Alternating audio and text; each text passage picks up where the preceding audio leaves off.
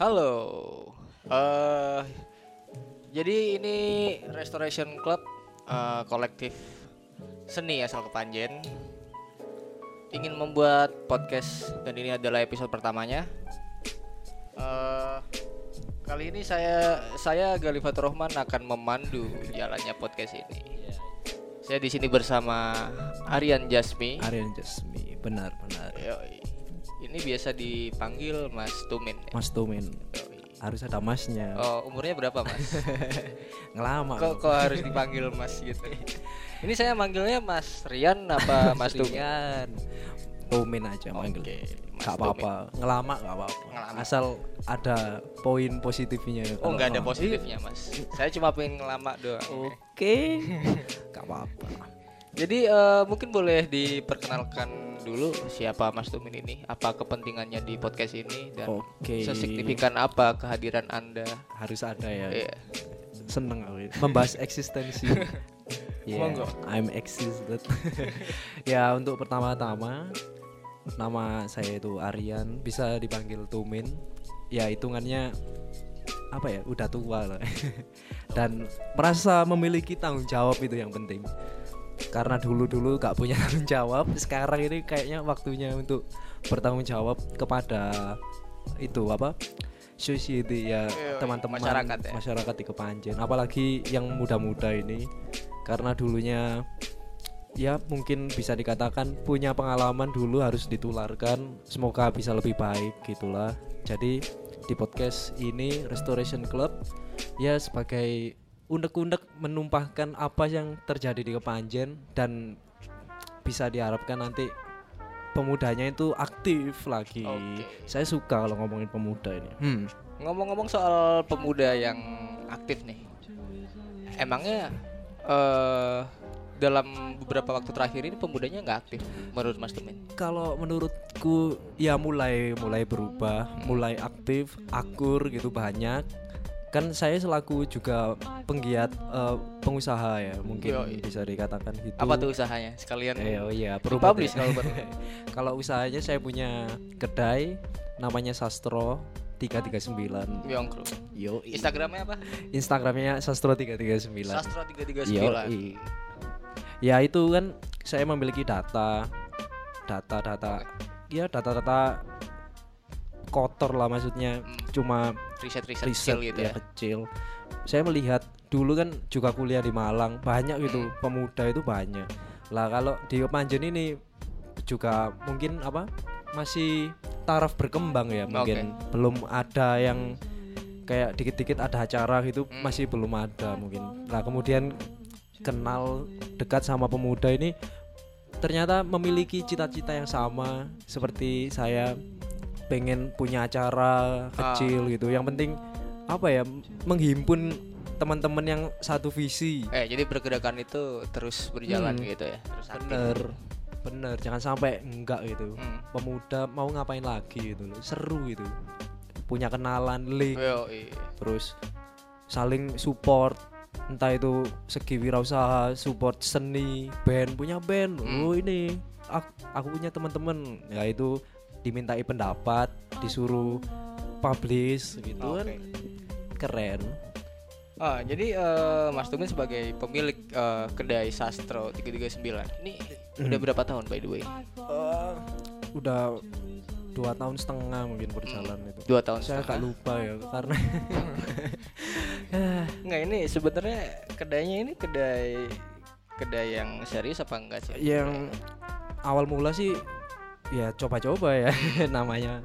Tapi di tengah-tengah jalan ini mulai memikirkan gitu loh. Selain segi bisnis itu apalagi yang harus yang lebih dari bisnis gitu. ya? Iya.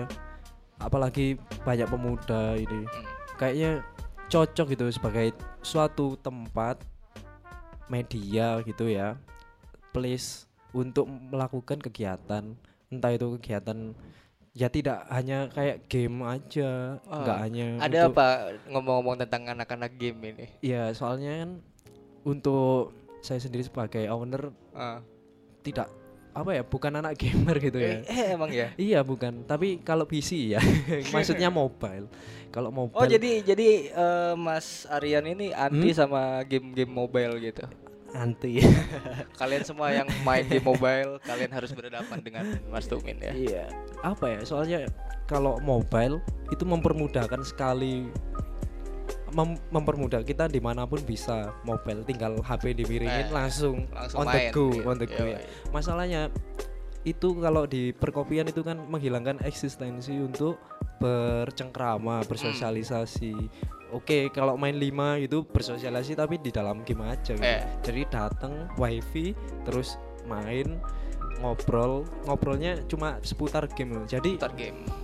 nanti itu berkembangnya bakal itu itu aja maksudnya omongannya nggak bakal iya eh, punya hal yang lebih pikirannya dari itu cuma berhenti berkutat Hmm. permainan menurutku gitu Tapi harus bukannya kalau di game gitu sebenarnya bisa di eh, bisa diarahkan untuk sesuatu yang menghasilkan juga. Misalkan kayak teman-teman kita yang eh, di sampai E-sport. masuk ke iya e-sport segala macam kayak. ya gitu. kalau se- serius itu kenapa enggak Oke. kan itu kelihatan outputnya yang oh, jelas gitu Hmm. kalau ini kalau hanya main game-game aja tapi tidak untuk berkembang dirinya itu loh Ya, ya. sangat merugikan itu gak merugikan sih ya terserah itu ya terserah Iya kan balik lagi ke Iya. kemauan orang yang mau ngapain dia.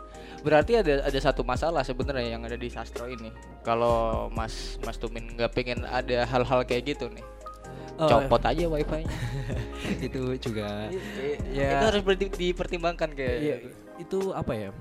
Mencopot wifi bukan menyelesaikan itu loh, maksudku gitu.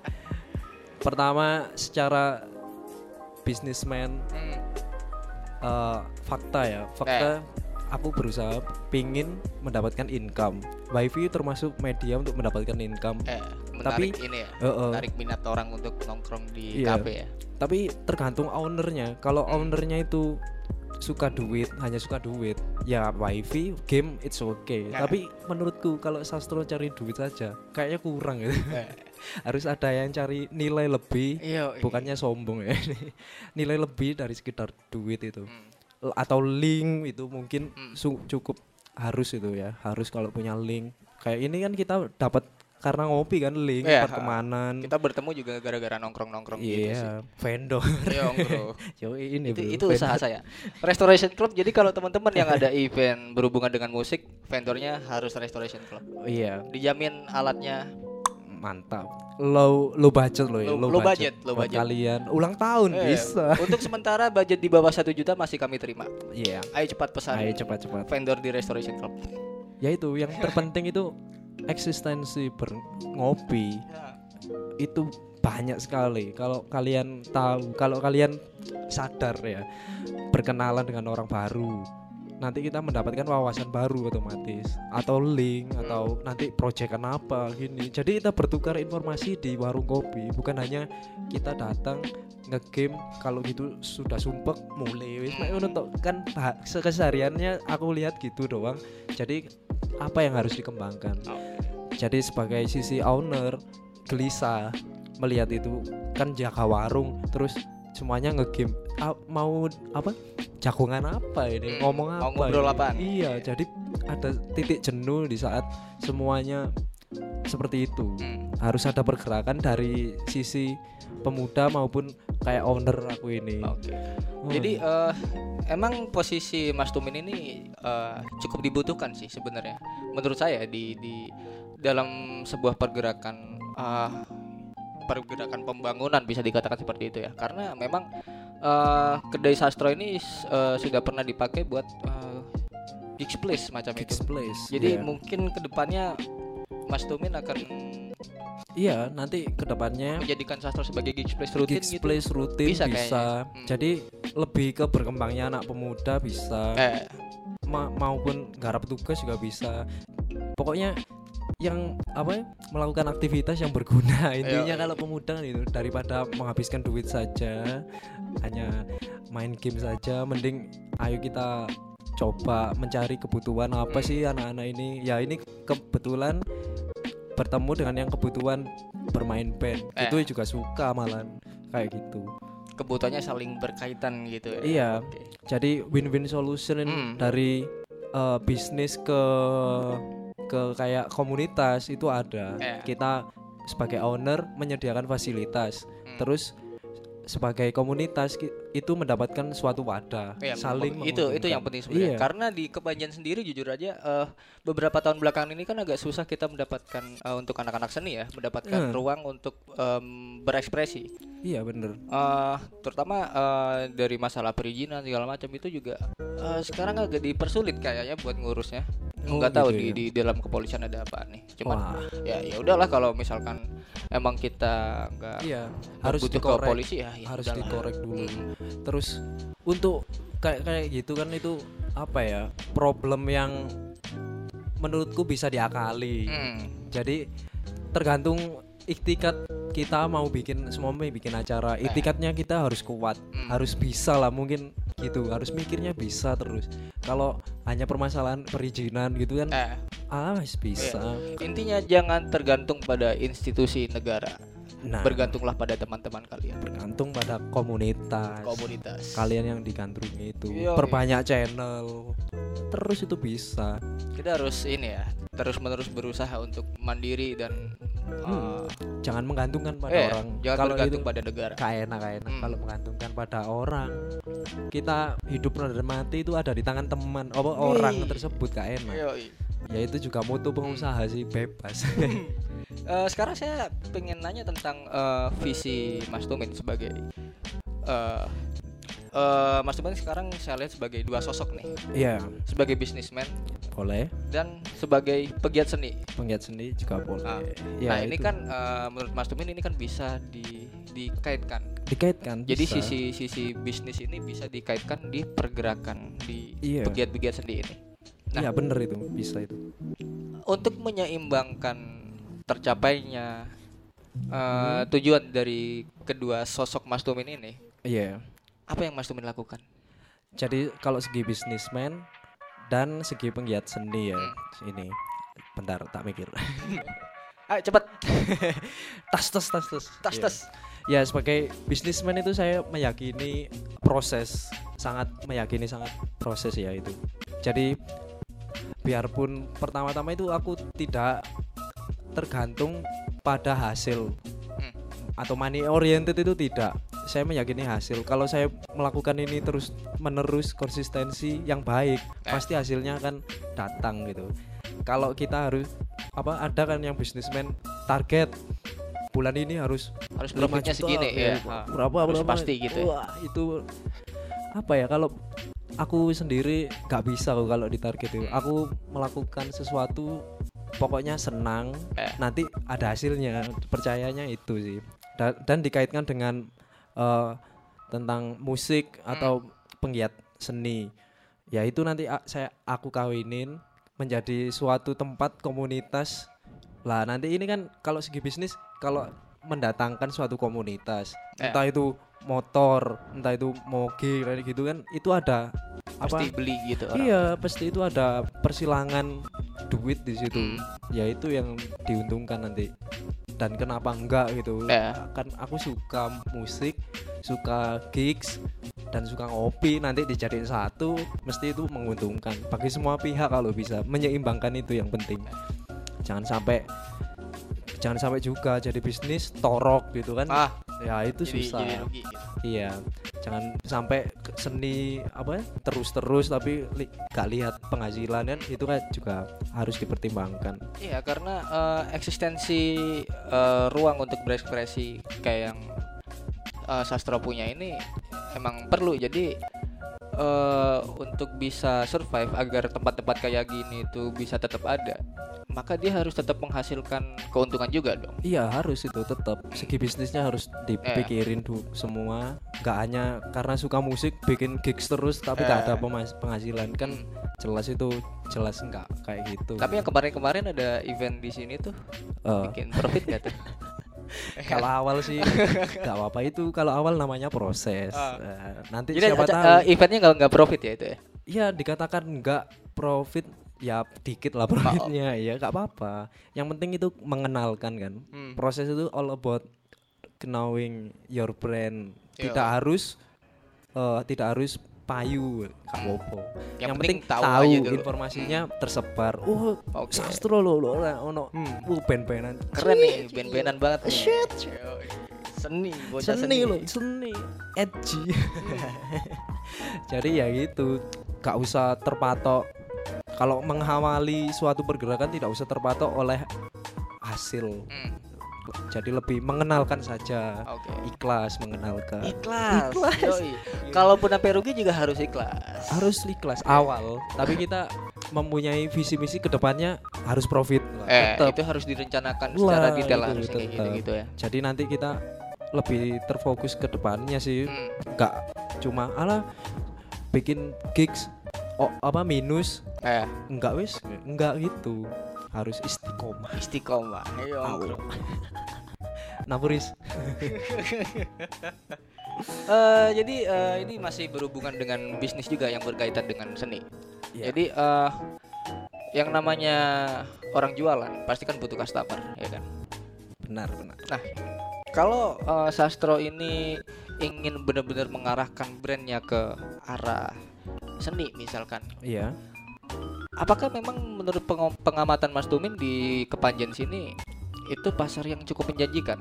kalau masalah itu kalau aku sendiri ya aku ini mencoba untuk menjadi orang yang tidak suka meniru orang lain how to-nya itu loh kalau tujuannya sama mencari profit tapi Caranya yang bisa how beda. to-nya itu Hmm. bisa beda-beda itu yang namanya seni pengusaha ya jadi eh, Seni seni pengusaha ya. Tapi iya. kalau sampai gagal gak jadi seni dong. iya, mm, Kayak jadi kegagalan jadi doang. kegagalan dan bisa dipelajari. Iya. tentunya bisa dipelajari. Ada yang bisa dipetik ya, dari situ. ya itu. Kalau usaha cuma usaha semua orang bisa. Tapi mencari eksistensi dan substansinya usaha ini yang seninya itu Eh, yang susah itu harus dipikirkan lagi. Kan kalau aku bikin usaha kalau sekarang cuan-cuan. Hmm, tapi kalau kepuasan beda. Eh, aku merasa kurang puas soalnya kurang eh, mengakomodir kemauanku kemauan sebagai owner. Kan sebagai owner pengennya merangkul anak pemuda. ah, bikin acara entah itu gelar seni atau band-bandan gak melulu harus band-bandan. Eh, bisa kayak handcraft gitu mungkin ya. handcraft handcraft itu iya. Terus tapi kayak- pertanyaannya kan nanti gini bagaimana cara owner tersambung dengan pemuda-pemuda ini yang Ya. harus itu. Ya ini merupakan cara juga hmm. me- apa pendekatan dengan komunitas contohnya restoration club ini. Aku mendengar dulu pergerakan pemuda uh gini gini Mas Min gini oke.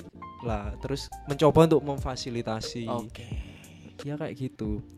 Nanti siapa tahu kalau ada yang record terus kita punya apa ya, pa- gitu. iya pajangan Hmm. mungkin sepertinya Oh, iya. ada history di Eh, bi- bisa itu kayaknya mungkin di sastro nantinya kalau emang udah banyak rilisan. iya Nggak, nggak harus musik doang ya, bisa bisa visual, bisa handcraft segala Iya. macam, bisa dipajang gitu kayaknya bisa Hmm, harus menarik perhatian deh kayaknya itu. pokoknya harus jelas lah Hmm. maksudnya kamu melakukan seni menghasilkan output apa nanti kalau kolaborasi itu bisa dijelaskan dengan baik itu Oke. mesti bisanya nanti Eh. orang itu kenapa nggak mendukung gitu loh harus mendukung Hmm. mengenai kayak gini ini balik- mengingat dulu waktu muda mungkin Iya. sulit gitu kan Oh, emang kemudian eh, Mas Tumin udah tua sekarang nih. iya bisa dikatakan gitu Umurnya berapa Mas? waduh jangan bicara umur shock nanti shock Jadi eh eh, aduh, oh masih Nyetrum. Hmm. Eh, tentang ini. Barusan saya nanya tentang pasarnya ya. pasar Hmm. ya Mas Tobin tentu punya pertimbangan eh, pertimbangan sendiri untuk menginterpretasi data yang iya Mas Tobin dapat. Nah, tapi kalau misalkan eh, dari apa yang saya amati, hmm? eh wacana seni di tempat kita ini kayaknya lagi lesu-lesunya deh sekarang. Sekali Lesu. sekalipun banyak banyak eh, aktor yang mungkin sekarang dibandingkan dulu ya, Iya, bener. banyak banyak sekarang yang lebih eh, berani untuk melakukan produksi. Iya, bagus itu. Ah, tapi kayaknya eh, apa ya? Berhenti di situ mungkin ya. Apa ya? Ah, ber- eh, berhenti di situ dan kayak nggak serame dulu, Gak seramai dulu. nggak serame dulu. Eh, maksudnya eh, dari segi mungkin audiens, Ah, terus orang-orang yang memberi atensi terhadap rilisan segala macam, kayaknya nggak nggak serame dulu. Iya bener. Kalau secara data seperti itu. Hmm. Dulu banyak festival atau semacamnya gigs place atau apa semua riuh dengan oh kan bisa melodi naikin kayak gitu kan bisa. Persaingan-persaingan Iya. kayak gitu ya. Sekarang kan hampir tidak terfokus ke situ dan lebih mungkin eh, apa ya aku bisa dikatakan marketingnya itu sekarang lebih modern tidak harus gigs place atau apa Hmm. ya tapi juga menginginkan suatu gigs place kan nggak Eh, mungkin lah pasti pasti butuh lah itu. bikin-bikin band terus record Hmm. tapi gak main Iya. percuma juga kalau menurut saya Panjen itu butuhnya tempat seperti itu Hmm. jadi gimana caranya mempertemukan pengunjung atau ini berbicara uh, gigs place di kedai Hmm. kopi pengunjung dimatchkan dengan bandnya kayak gitu Oke. lah kalau ada ini sampai sudah ada nanti ini bakal bisa berterus dan bertambah Hmm. banyak menurutku gitu sih Hmm, pasar itu bisa diciptakan Yo, berarti berarti Mas Tumin ini pengen eh, pengen merubah misalkan sekarang kulturnya apa nih yang lagi populer di Kepanjen misalkan kultur supporter bola misalkan. Iya. Apakah Mas Mas Tumin pengen pengen merubah itu dan mengalihkannya dari kultur pop yang eh, Hmm. supporter bola menuju ke kesenian misalkan. Apa apakah ada keinginan semacam itu? Oh enggak ya. Kalau merubah kesukaan orang itu Hmm. enggak, enggak usah. Nanti itu kalau gitu loh. Bagaimana cara kita mempopulerkan diri dulu di lingkungan agar dilirik. Jadi Hmm. itu caranya kalau aku mikirnya kalau semua di sastro kita banyak acara terus menerus terus menerus gitu terus orang itu bakal lihat oh di sana ada band-bandan ini ini ini Hmm. lah itu kultur yang berusaha diciptakan kembali kan ini Ya. udah ada tapi harus dikembangkan lagi biar ke Dikuatkan. blow up ya Hmm. orang-orang itu biar ngeh biar kita juga mendapatkan support dari orang-orang siapa yang nggak pengen ya support kayak gitu Berarti yang penting yang harus kita lakukan eh, mendekatkan diri kepada eh, apa ya? calon audiens mungkin calon ya. audiens ya bener Mungkin eh, mau ntar hasilnya mereka bakal suka sama kita apa enggak ya Iya. itu urusan belakangan. yang penting kan itu Hmm. sistem yang kreatif dulu dari Eh. kita kita istiqomah ya itu Hmm. tadi terus ngeblow up acara-acara nanti orang mesti ngeh yang pengen juga kayak kita nanti kita berkumpul jadi satu ruang terus kita saling diskusi Eh. nanti jadi temen jadi klub itu ya maksudnya restoration club kan Eh, klub.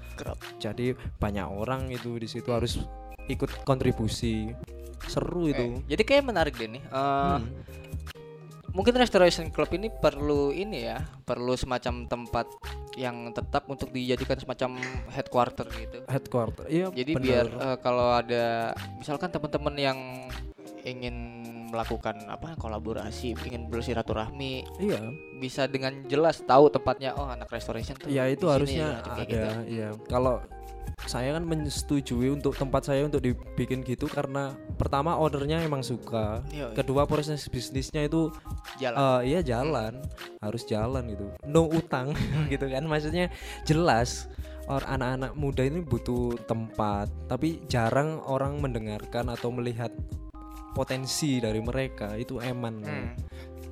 Ya jadi kenapa enggak? Aku juga suka band-bandan semua gitu. Cari tempat tempat nongkrong anak band, Nah. oh tambah seneng. Ya by the way ini podcast ini dibikin di kamar eh, Mas Aryan juga. Jadi Iya, ini. eh, ini bersebelahan langsung dengan Sastro. Sastro. Jadi Iya. ya ya ya seperti kita sudah ini. punya tempat untuk bersilaturahmi sekarang. Iya. Jadi bis- bisa kita nongkrong di kafenya, mungkin Iya. teman-teman juga bisa eh, kalau ada yang ingin dipublish Iya, bisa. bisa kita fasilitasi Review melalui melalui bisa. iya, melalui podcast ini Iya. iya, bisa sekali. Ya Jadi itu. untuk teman-teman yang punya eh, karya apa pun itu karyanya Iya. dan membutuhkan publikasi ingin dipublikasi lewat eh, podcast Restoration Club. jangan sungkan Iya, menghubungi. jangan sungkan untuk menghubungi menghubungi Restoration Club. Bisa lewat DM atau bisa Iya. mungkin kalau teman-teman pengen eh, kelihatan Ngobrol. formal bisa lewat email. Jadi Iya. buka aja IG-nya Restoration Club itu restorationclub.kpj. KPJ. Langsung aja akses di sana, DM, email terserah atau mungkin bisa langsung ngajak nongkrong. Iya. Boleh banget. Boleh banget. Kita itu bukan mengeksklusifkan yang sangat eksklusif Oh, iya. gitu ya. Ah. Enggak. Kita malah ingin merangkul semua, Iya. mencoba berteman dengan semua apa yang gak mungkin lah seseorang itu dilahirkan tanpa apa ya mungkin kelebihan mungkin ya. Karena itu itu juga yang yang jadi masalah di eh, generasi Hmm, sebelum-sebelumnya kan. Jadi iya, eh, eksklusivitas di dalam sebuah wah, katakanlah pergerakan itu eh, kental sekali aromanya. Jadi Hmm. dan itu tidak menghasilkan apa-apa ternyata. hanya kesombongan. Iya, hanya kesombongan pride. Wah, kepanjen pride. Kepanjen, Kepanjen pride, lokal pride pakai kompas. Jadi eh, kami belajar dari itu dan ternyata eksklusivitas itu ternyata gagal kan. Dan oh ya udah ternyata kita butuh metode lain untuk- Metode untuk, lain. bergerak dan Hmm, siapa tahu metode yang kayak gini-gini ini dengan kita eh, terbuka. terbuka kepada semuanya Iya, kita berjalan bersama-sama itu kayaknya asik lah. ah, asik dan bakal ada hasilnya deh daripada kita selek-selekan Selek, Iya. iya. Kayak band A habis rilis, Iya. band B apa kayak nggak mau kalah terus Hmm. ngejelek-jelekin kan itu kultur yang lama. eh kultur mungkin. lama dan Iya. kayaknya masih enak Ma- eh, Mas Tumin masih melakukan itu enggak? kalau dulu masih muda iya, kalau sekarang aduh udah uzur gini dan Capek ya? melihat ke belakang, maksudnya histori saya tidak melakukan apa-apa, hanya mencemooh, ya jadi malu ya. Berarti gitu. saya saya kan anak-anak band nih. Saya Iya. punya band. Saya Boleh. pu- punya lagu. Boleh dong saya berarti eh, kalau ada anak rilis saya kata-katain gitu. Iya. Karena saya punya karya. Kalau itu ya terserah pribadi masing-masing. Kan cuma menghindari ketamakan sifat sombong. Oh ya kalau gitu. Ya enggak eh, di belakang itu kita boleh ngata-ngatain tapi kalau kita bertemu langsung ya hmm, kita tahu harus kayak gimana kan. Iya. Yoi. Jadi sebenarnya ba- banyak banyak omongan-omongan negatif di balik ini ya sebetulnya. Banyak banyak. Dan itu kalaupun begitu cuma konsumsi pribadi lah Iya. mungkin. Guyon. Hmm. Just it. Enggak terus menerus. Oke. Yang penting kita bisa berjalan bersama apa yang kita cita-citakan Iya, itu bisa tercapai itu intinya. ya itu visi misi ini akan terus digodok ya ada mungkin sekarang ini dicoba dulu setahun terus kita apa jenenge mari evaluasi Evaluasi. dievaluasi menemukan visi misi yang baru yang sesuai lagi visi misi itu nggak harus harus tetap saklek gitu ya. Iya kita ini kaum dinamis oh, Ya, kalau misalkan visi misinya udah nggak relevan ya ganti aja udah. iya ya gitu Hmm.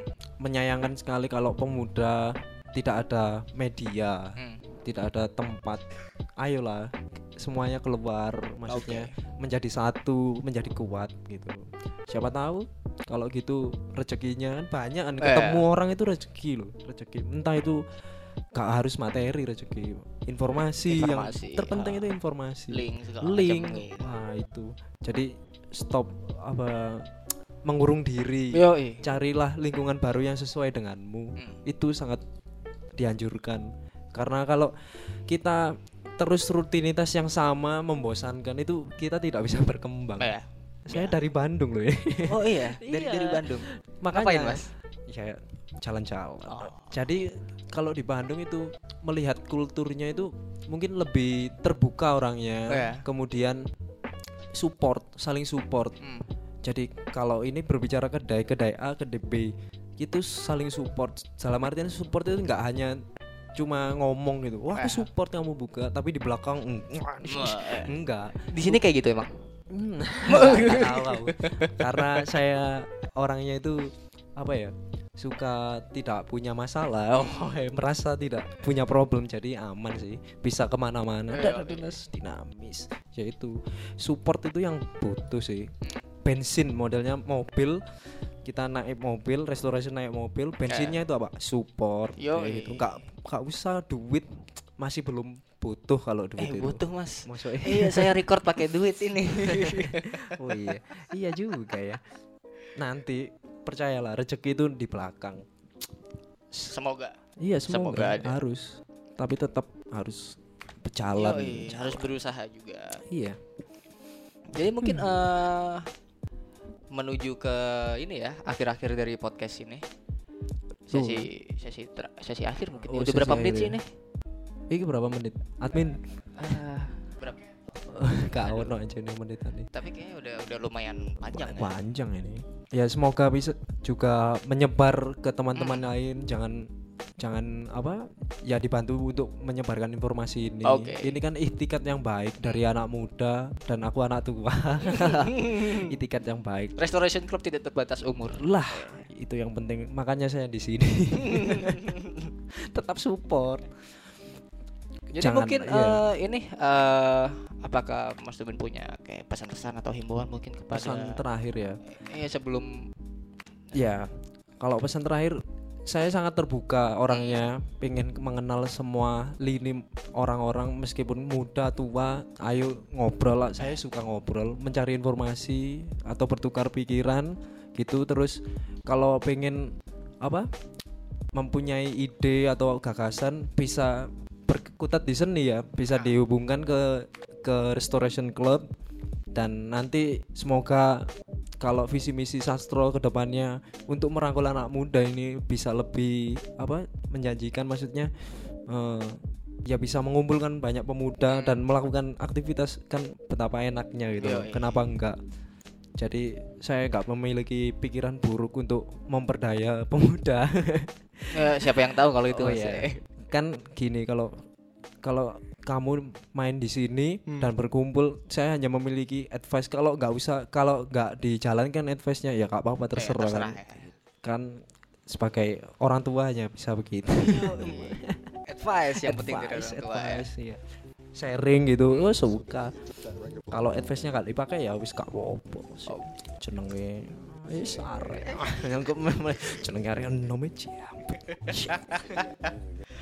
Oke, eh, itu tadi pesan terakhir dari Mas Tubin sebelum Iya. saya menutup podcast ini. ya Eh, kembali lagi saya ingatkan ya, jadi podcast ini terbuka untuk semua teman-teman yang iya, punya eh, karya ingin ingin dipublish di podcast. bisa Eh, dan ini podcast ini kan kita rekam di dalam bentuk video juga. Video, jadi kalian nanti kita upload akses, di iya. di YouTube. Jadi akses teman-teman untuk eh mendengarkan atau melihat podcast podcast ini tuh ada di mana-mana. Jadi Iya. sebisa mungkin kami mempermudah teman-teman untuk mengakses Oh iya podcast Kak, ini. katanya Restoration Club mau bikin itu ya live live apa performance Oh iya, video Eh, dalam studio waktu ya apa iya, ya Mun? dalam Itu waktu namanya? dekat kayaknya kita akan bikin live session gitu. live session ya.